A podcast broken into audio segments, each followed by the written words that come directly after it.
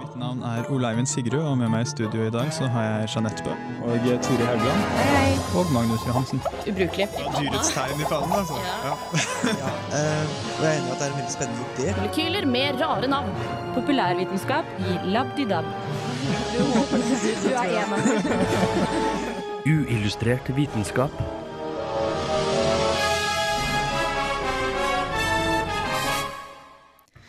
Du er nå kanskje på vei ut av et hvitt hull i en forrykende fart, mens du spiser mat som har sex, og medisiner, medisinerer deg med en utrydningstruet art. Er du usikker på hva jeg snakker om? Len deg tilbake i godstolen mens Golfstrømmen blir meid vekk av ferskvann og jorden forsvinner ned et hull med sentrum i Sveits, og lytt videre til uillustrert vitenskap.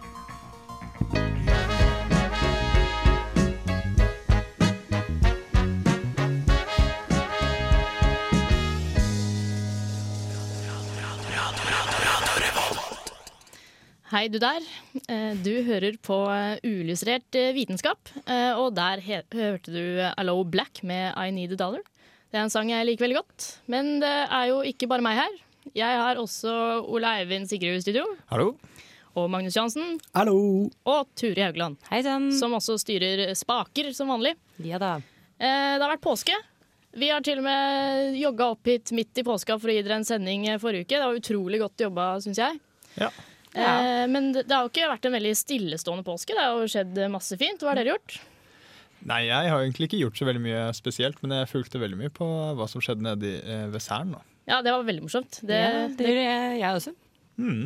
De hadde jo sånn eh, live webcast, så man kunne sitte og se video av folkene i kontrollrommet som var happy. Var det spennende? Hadde, så du det? Ja. Mm. Visste om det her på forhånd? Jeg fikk bare høre om det dagen etter. Sånn, Fader, har dere funnet ut Har det vært kollisjon? Nei, de planla det ganske mye og la det ut eh, før de i det hele tatt starta. Og så eh, la ut sånn live webcam. Ja, det var ganske dårlig at jeg ikke fikk med meg det, egentlig. Jeg burde kanskje sendt deg en link. Jeg har nemlig ligget i en lenestol i over en uke og ikke gjort noe som helst. Og spist, jo, jeg har spist sjokolade. Eh, Selvfølgelig har du det. Man må jo Men jeg, vi må jo oppdatere dere, oppdatere dere eh, på hva som har eh, skjedd i påska, og det kan Turi gjøre nå. Uillustrert vitenskap presenterer Forskningsnytt.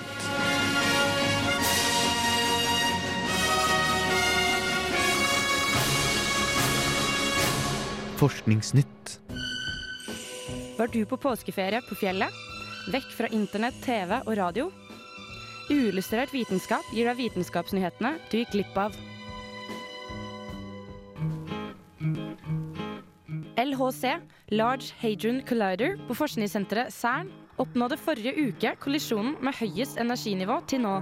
Hele 7 terra elektronvolt ble målt etter to ladede partikler på 3,5 terra elektronvolt kolliderte i partikkelakseleratoren. Trøfler har ifølge italienske og franske forskere et sexliv. Dette har de kommet fram til etter å ha kartlagt genomet til trøflene. Der fant de ut at trøflene har to forskjellige kjønn. Årsaken til yngre dryas, eller the big freeze, skal være funnet. Plutselig tilførsel av store vannmengder i Atlanteren svekket Golfstrømmen for 13 000 år siden. Dette førte til at istiden, som nesten var over, varte i over 1000 år til. Du hører på Radio Revolt, studentradioen i Trondheim.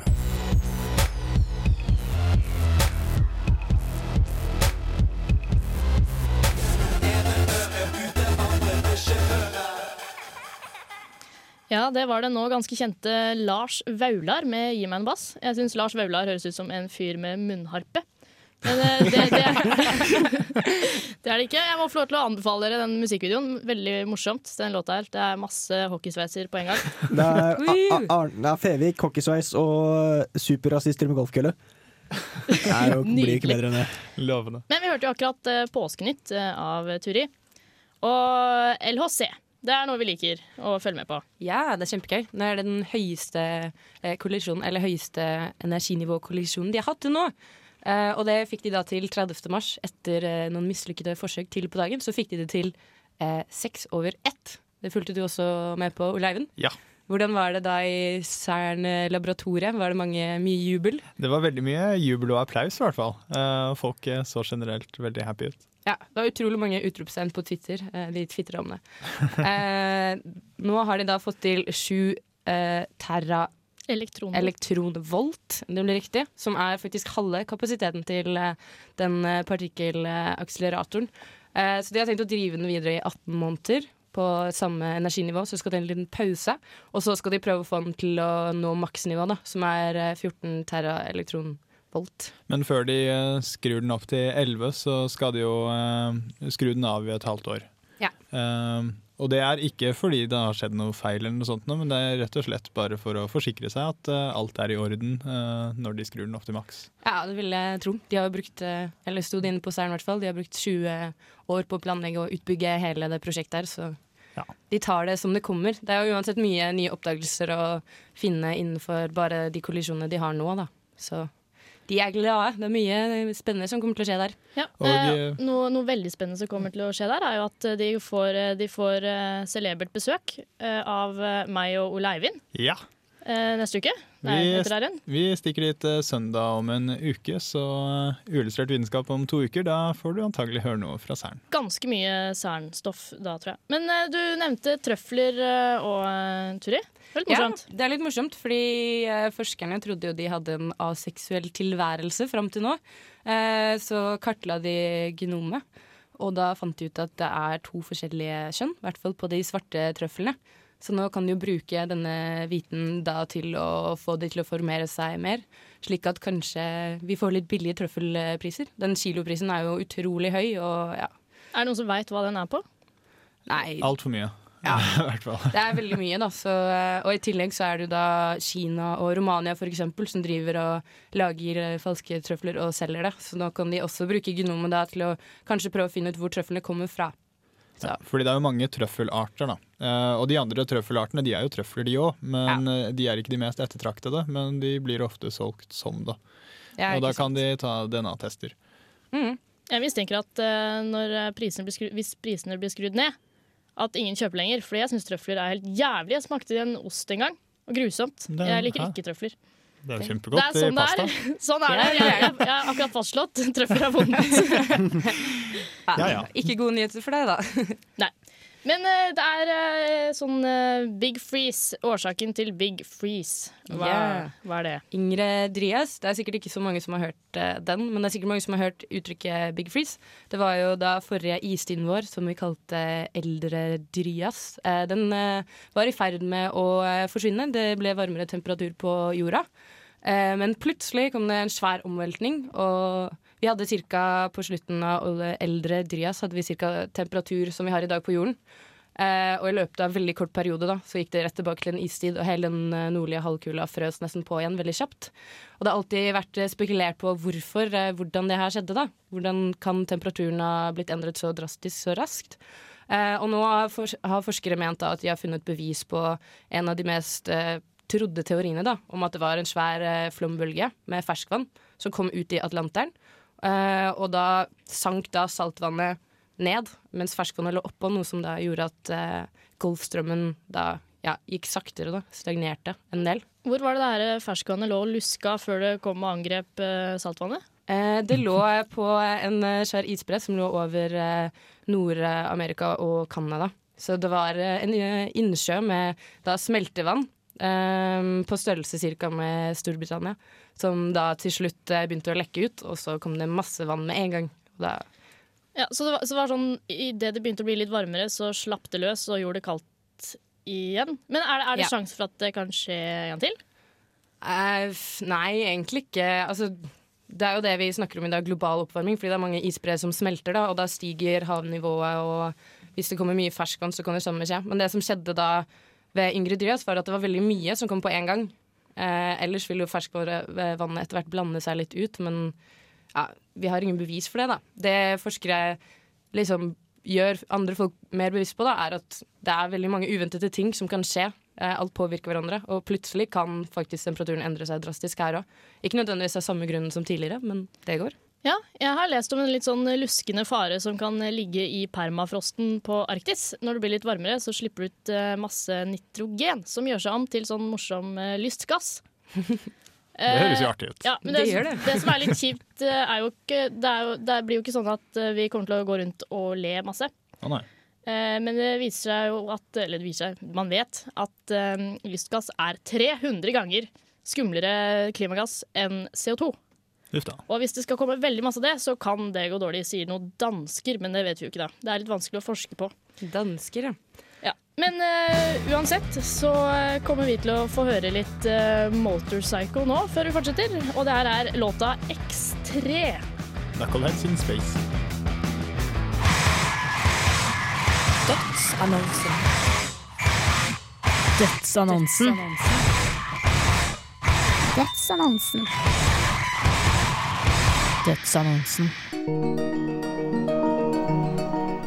Ayurveda er en betegnelse på tradisjonell indisk naturmedisin og behandlingsmetoder. Ayurveda er fortsatt svært utbredt i Sørøst-Asia, og er heller ikke ukjent i vestlige alternative kretser. Naturmedisin. Det høres ut som noe nokså trivelig og romantisk. For natur, ja, det liker jeg. Og det er heller ikke uvanlig at de som benytter seg av naturmedisin her i Vesten, gjør så basert på et livssyn som legger vekt på å være i pakt med naturen. Det viser seg dog at tradisjonell urtemedisin ikke er veien å gå om man vil bevare det biologiske mangfoldet. The Botanical Survey of India undersøkte nylig de 359 mest brukte planteartene innen ayurveda for å kartlegge plantenes utbredelse og helse. Funnet de kom frem til, er dyster lesning. Av disse 359 artene var 335 kritisk utrydningstruet, sterkt truet, sårbare eller nær truet. Altså står det nokså dårlig til for 93% av alle planteartene. Så hvordan har dette skjedd? 95% av plantene som benyttes innen ayurveda, blir samlet inn fra naturen. Og to tredjedeler av innsamlingen foregår på en måte som skader eller dreper plantene. Ikke spesielt bærekraftig, med andre ord. Men burde vi bli overrasket av dette? Svaret er dessverre nei. Listen over arter som er utrydningstruet, mye grunnet tradisjonelle naturmedisinformer, er ikke spesielt kort. Et kjent eksempel er nesehorn, hvis horn blir brukt mot de aller fleste plager, men spesielt impotens, da hornet ligner en penis. Visstnok. Tigre, bjørner, skilpadder, sjøhester og haier slipper heller ikke unna, til tross for at det ikke er noen grunn til å tro at disse behandlingene har en effekt i det hele tatt. Snarere tvert imot. Av plantearter som er utrydningstruet, finner man bl.a. halvparten av verdens magnoliaarter, lakrisrot og ginseng. Ginseng er faktisk så godt som utryddet i Kina og Korea, og må derfor bli fraktet over fra USA. Av rent miljøhensyn bør du altså tenke deg godt om før du kjøper naturmedisin fra land som India og Kina. Ja, det var Ole Eivind om ayurveda, naturmedisin. Hva, er ayurveda? Hva står det for?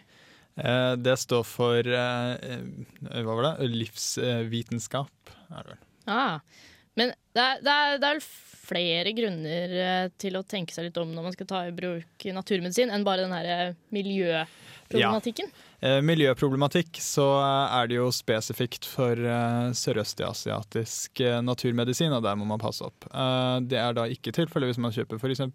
naturmedisin som er dyrket i EU og USA, der det er sterk regulering og så videre. Eh, men det er jo andre grunner da, til å tenke seg litt om, og det er jo da effekten. Funker det? Og eh, da I motsetning til f.eks. homeopati og andre sånne type alternative medisiner, så har jo faktisk eh, urtemedisin eh, en mulighet for å fungere. Fordi planter det er jo kjemikalier som alt annet, og det kan ha innvirkning på kroppen vår. Så har de jo da testet dette. Og det viser seg da at det er noen av disse urtene som fungerer. Og så er det haugevis av dem som ikke gjør det. Eh, og, eh, men så må man jo huske da at eh, hvis noe har en effekt på oss, så vil det jo da antagelig også ha bieffekter. Og det er jo kanskje da ikke så veldig merkbart, men eh, det kan jo da f.eks. ha kryssvirkninger med medisin. Så hvis man f.eks. går på hjertemedisiner og slikt, så er det typisk lurt å være veldig påpasselig på hva man tar. Så derfor hvis man skal ta noe naturmedisin, da, så si alltid fra til legen. Fordi de vil da finne ut eh, har dette noe kryssvirkning eller uheldig bivirkning med den me- medisinen du går på. Da. Eh, men så eh, kan man jo eh, da se nærmere på sånn ayurveda og kinesisk tradisjonell eh, medisin, som er litt lignende. Der tar de jo eh, og lager sånne sånn personlige blandinger, da, som de eh, vurderer pasienten, og så bare å ja, men da må du ha litt av den, og så litt av den, og så blander du dette. Istedenfor å bare plukke én urt og sånne ting. Eh, og eh, det er vel veldig vanskelig å teste, da, eh, kontrollert. Men det lille som er gjort, viser at, eller har i hvert fall ennå ikke funnet, at sånne personlige blandinger av urter har noe spesielt for seg. Men hva er det som kan være så veldig skummelt med, med naturmedisin som er lagd andre steder enn EU og USA? Jo, det er det, da. Én ting er jo at eh, det etiske, da, med at de driver gjerne rovdrift på eh, forskjellige planter og dyr. Eh, det er liten kontroll på slikt. Eh, men det andre er jo f.eks. da innen eh, ayurveda. Så er jo faktisk tungmetallene de blir jo sett på som uh, legemidler. Ja, flott. Uh, Så uh, hvis du kjøper en urteblanding fra India, så selv her i Vesten, så er det diverse av dem det er målt faretruende høye nivåer av bly, f.eks. Og blyforgiftning er jo ikke sånn spesielt morsomt å få, spesielt hvis man egentlig skulle prøve å kurere noe annet. Jeg kan ikke det ta livet av folk? Jo, det kan jo det. Har det, har, har det vært noen registrerte dødsfall? Det? Eh, Det har vært registrerte blyforgiftninger. Eh, Om det har vært dødsfall, det kan godt hende, men det, det har ikke jeg fått med meg. Så det Nei. tør jeg ikke se. Um, men så um, kan man jo se litt videre, da. At ok, man finner en urt da, som har en effekt. Er det greit å ta da? Og da er det fortsatt litt sånn ja, mm, burde kanskje ta vanlige medisiner isteden. Fordi eh, innen legevitenskapen da, så finner vi jo eh, et spesifikt stoff eh, som har en effekt. Så finner vi ut hvilken dose har denne effekten. Eh, fordi et stoff har en effekt hvis det har en stor nok dose, og det kan bli farlig hvis det får en for stor dose, f.eks. Hvis det har en under den dosen som trengs, så har det ikke noe effekt. Og da er det viktig å dosere nøyaktig. Eh, mens med urtemedisiner så er jo dette vanskelig, fordi de tar jo ikke og ekstraherer et enkelt virkestoff, og så eh, konsentrerer de og måler ut nøyaktig konsentrasjon. Eh, de tar jo bare et ekstrakt fra planten, eller kutter opp planten og sånne ting, og da konsentrasjonen, eh, konsentrasjonen av virkestoffet eh, vil da variere avhengig av hvor planten er dyrket, hvilken tid på året det er, hvilken del av planten du bruker, osv. osv. Og det viser seg da når de har målt eh, konsentrasjonen av virkestoff i sånne urtepreparater, så har de variert eh, med opptil 17 ganger da, fra pille Oi. til pille. Um, så selv om det egentlig kunne ha effekt, så er det jo ikke sikkert du får i stor nok dose. Det kan også hende du får en for stor dose. Og urter er jo ikke ufarlige hvis de har virkning. Så moralen er eh, hvis du skal spise naturmedisiner, så vær litt forsiktig, og sjekk om det er bly, blant annet, inni. Ja. Nå tar vi og hører eh, Borgore med Ice Cream.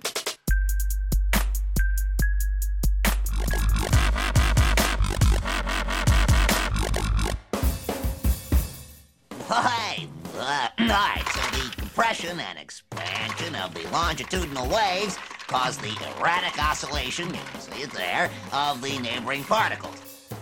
Uillustrert vitenskap.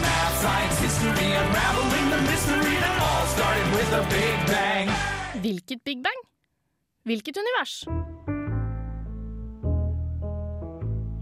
Spørsmålet 'Hva er egentlig utenfor universet?' fikk jeg beskjed av fysikklæreren på videregående at var et rett og slett ulovlig spørsmål. Not until you can read this. Nibbly Pig got on a bus. Etter det hadde jeg mange egne flotte teorier, som f.eks. at vi var en del av et bordbein på kjøkkenet til en fyr som satt med akkurat det samme spørsmålet. I et studie nå gjort ved Indiana University, som for øvrig vil bli publisert 12. april, skal man ha kommet frem til en teori om at ormehull kan hjelpe oss litt på veien til å besvare dette. Ormehull er noe som kan eksistere i henhold til den generelle relativiteten og skal være tunneler som skal gjøre det mulig å reise i tid i verdensrommet. Dette sa Einstein og Rosen i 1935, Og nå sier fysikeren Nikodem Poplavski at alle sorte hull kan være koblet til et slikt ormehull. Og på andre siden av ormehullet et hvitt hull. Et hvitt hull skal hypotetisk sett være den tidsinverse av et sort hull. Jeg føler at dette kan være litt for mange hull å holde styr på for mange. Men se for deg et timeglass med et sort hull på den ene siden og et hvitt hull på den andre. Og der sanden renner fra svart til hvitt hull, der har vi ormehullet. Og det Poplavskin nå mener, er at inni hvert ormehull skal det være et helt eget univers som blir slengt ut av det hvite hullet i en slags eksplosjon. Og denne såkalte eksplosjonen kan altså være det samme som det vi kaller big bang. Om vårt univers skal ha blitt skapt inni et sort hull og ekspandert ut på den andre siden av tiden, må jo det nevnte sorte hullet være et sted. Og hvor dette er, sier nå Nikodem Poplavski at selvfølgelig må være inni et annet univers igjen. Jeg er ikke helt sikker på om det er det her jeg hadde lyst til at skulle være svaret. Har vi da kanskje et univers inni et univers inni et univers inni et univers inni et univers inni et univers til? Inni enda et univers? Inni et univers? Inni enda et univers? Inni enda et univers? Radio Revolt. Ja, det var jeg som snakka om, eh, om eh, univers inni univers. Eh, jeg har litt lyst til å forklare den andre siden av tiden, fordi jeg så, den der, så en liten lite bilde av tiden. Eh, hvis du ser for deg det som sånn todimensjonalt sånn ark som du bare bretter litt sånn Bretter eh, sammen, eh, så det blir sånn ring. Og så kan du liksom kjøre mellom inni innimellom inni det hullet da, du har lagd av det arket, gjennom ormehull. Det er tiden. Så du kan bare forsvinne ut på andre siden av tiden. Ja, ja, det er litt vanskelig å forklare. Men jeg syns det var litt sånn Det, det forstår jeg godt. litt, litt sånn skuffende, skuffende teori, egentlig. For jeg vil ikke at det skal være sånn uendelig eh, Sånn universet, universet, universet. Jeg syns det var litt kjedelig. Jeg vil, vil at universet vårt er inni en banan, eller noe sånt. Det vil jeg, det vil jeg at de skal komme fram til. Ja, altså, Det blir litt sånn turtles all the way down. Det blir veldig lite tilfredsstillende da, med sånn uendelig eh, regresjon. Da. Selv om det selvsagt eh, er jo mulig. Eh, og hvis det ikke er det, så blir det jo også litt sånn vanskelig å hva, hva i all verden er utenfor det, eller før det, eller etter det. Men det blir jo kanskje litt sånn meningsløse forbudte spørsmål, da. Eh, Jeg vet det er meningsløst, men jeg, jeg, jeg lurer på det for det. ja, samme. Det er ikke meningsløst. Jeg syns det er veldig meningsfylt. Det er meningsfylt å se liksom, eller spørre om hva som er etter de kjente grensene. For det må jo være noe der. Tror du ikke det? Jo, det må jo det. Uh, Eller så bare være sånn ingenting. Nå så Magnus veldig Ja, det er jo veldig spennende spørsmål. Det, det eneste som jo er litt problematisk, det er jo at eh, vi har jo etter hvert eh, ganske mange sånne modeller. Og eh, hvordan skal vi teste dem? Her så sa de jo jo, men den eneste måten å teste dette på er jo ved eksperiment og observasjon. Ja, og så har vi jo det problemet, vi kan jo egentlig ikke se noe annet enn det som er utenfor det sorte hullet. Da må man reise inn i et sort hull. Det kan man. Da er det også vanskelig å rapportere tilbake igjen. da. Det er klart. Men man har en lang, lang ledning bak seg. Men hvis man er litt sånn, man vet man kommer til å dø sånn i morgen, så kan man jo kanskje vurdere å hoppe inn i et sort hull bare for å finne ut hva som skjer. er, det, er det så enkelt å stikke og hoppe i et sort hull? Ja, altså, hvis, hvis man tilfeldigvis befinner seg i nærheten av det sorte hullet. Skulle man sånn tilfeldigvis være i nærheten, så Ja. Men eh, univers eh, inni univers og inni univers. eh, nok prat, vi vil ikke tenke mer på det i dag. Eh, vi vil heller eh, tenke på The Brunettes med The Crime Machine.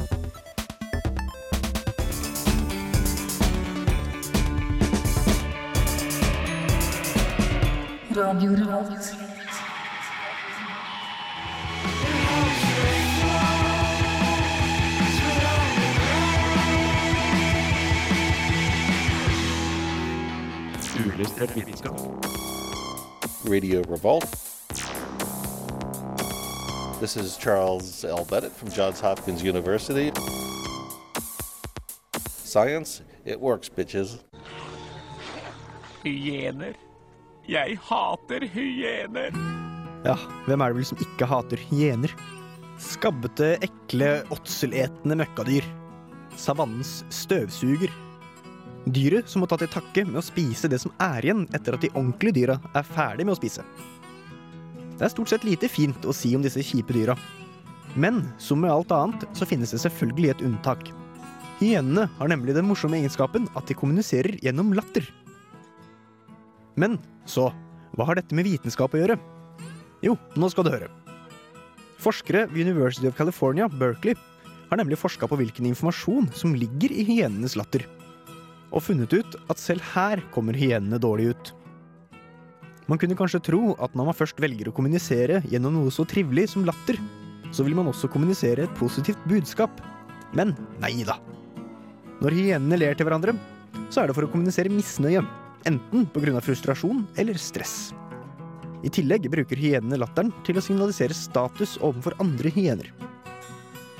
I hyeneflokken er det hundene som er de dominerende, mens hannene er underdanige. Og dette kommer bl.a. til uttrykk gjennom latteren. Latteren til en dominant hund låter sånn her. Mens latteren til en underdanig hann låter slik. Likt, spør du? Ja, sier jeg. Men rang er en veldig viktig ting for hyenene. Noe som også gjør latteren til et viktig aspekt. Men denne studien av hyenenes latter er selvfølgelig ikke helt uproblematisk. Denne studien er gjort med hyener i fangenskap, noe som så klart påvirker kommunikasjonen mellom hyenene. Derfor ønsker forskere nå å dra ut og forske på ville hyener, slik at de kan observere hyenene i deres naturlige habitat, og på den måten forhåpentligvis få mer troverdige forskningsresultater. Forskningsresultater som antageligvis vil gjøre et like stort bidrag til den vitenskapelige hyenekommunikasjonsdebatten som den ovennevnte studien har gjort. Og vi i Uillustrert vitenskap kan selvfølgelig ikke vente med å få høre resultatene. Ja, det var Magnus sine hyener. Eh, får litt lyst til å synge Pål sine høner. Eh, men ja, før det så hørte du Megaphonic Drift med Undertow. De eh, kommer til å spille på Teipfestivalen, som er eh, om eh, ja, halvannen uke. Starter neste torsdag, Faktisk ja, nøyaktig en uke til den starter. Så husk på Teip. Eh, dra på det. Ja. Eh, og vi alle, men vi har alle sett dokumentaren eh, 'Løvenes konge'. eh, og hvorfor er hyener så kjipe? Nei, skal vi jeg, jeg, jeg ønsker å snu på spørsmålet og si hva er det egentlig som er bra med hyener? Jeg, jeg sliter med å finne noe som helst, altså. Nei, altså jeg, jeg må kanskje forsvare hyenene litt. Eh, Jeg, jeg har faktisk en liten ting for åtseletere. De, det er fint at vi har dem. Det er fascinerende, egentlig. Men, nei, men altså, hvis man ikke hadde da kråker og gribber og hyener og sånne ting, eh, hva skulle skje med alle disse kadaverne? Det Ja, den ser jeg. hadde vært, ja, altså, det er fint at noen rydder opp. Det er det.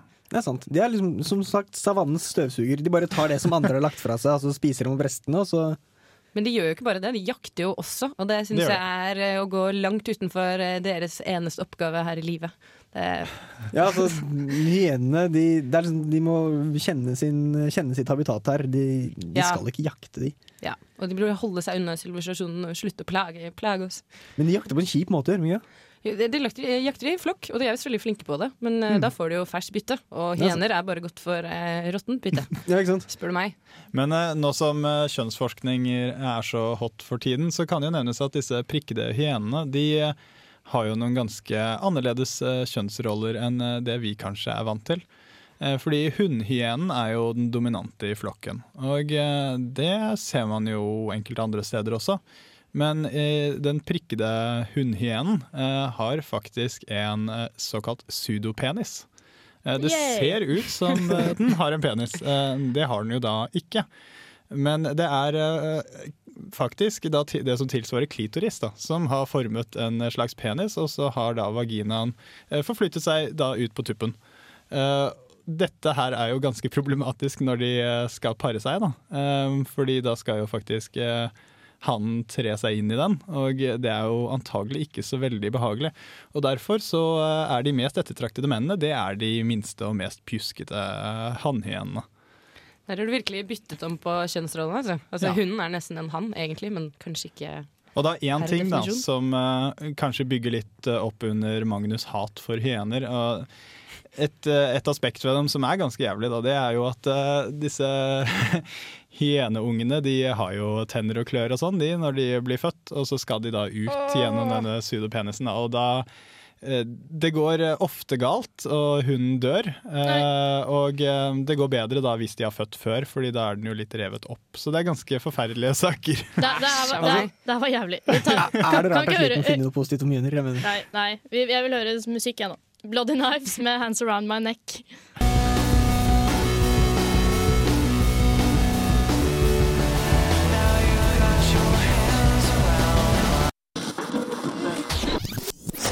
Radio Revolt. Da har det snart gått en time, og det betyr at vi eh, straks er ferdig. Eh, jeg vil bare referere litt mer til den dokumentaren vi snakka om i stad, 'Løvenes konge'. Gribbe- Gribbebowling er eh, kult eh, der. Og eh, apropos gribb, eh, har dere sett på NRK i det siste, så har dere kanskje sett han som ikke er Gislefoss på værmeldinga. Er slående lik en gribb. Legg, mer- legg merke til det. Gribber er kule dyr. Men eh, last ned podkast. Eh, det er på iTunes igjen. Og så må du rate hva du syns om programmet. Og det er jo eh, selvfølgelig den siste stjerna du skal trykke på da, for ellers går det ikke an å rate, dessverre. Kan gjerne skrive en anmeldelse hvis du har noe å si om oss. Eh, I bakgrunnen nå så vil du få høre Fatboy Slim med 'Praise You'. Og vi vil nå eh, takke for oss. Og kan alle bare si litt ha det? Si ha det. Ha det. Ha det godt. Ha det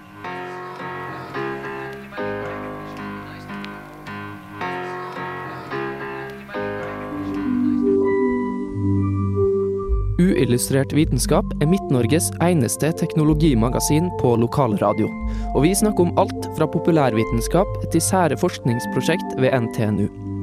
Radio Revolt, studentradioen i Trondheim, er stolt av å kunne presentere podkaster fra de aller mest populære programmene våre.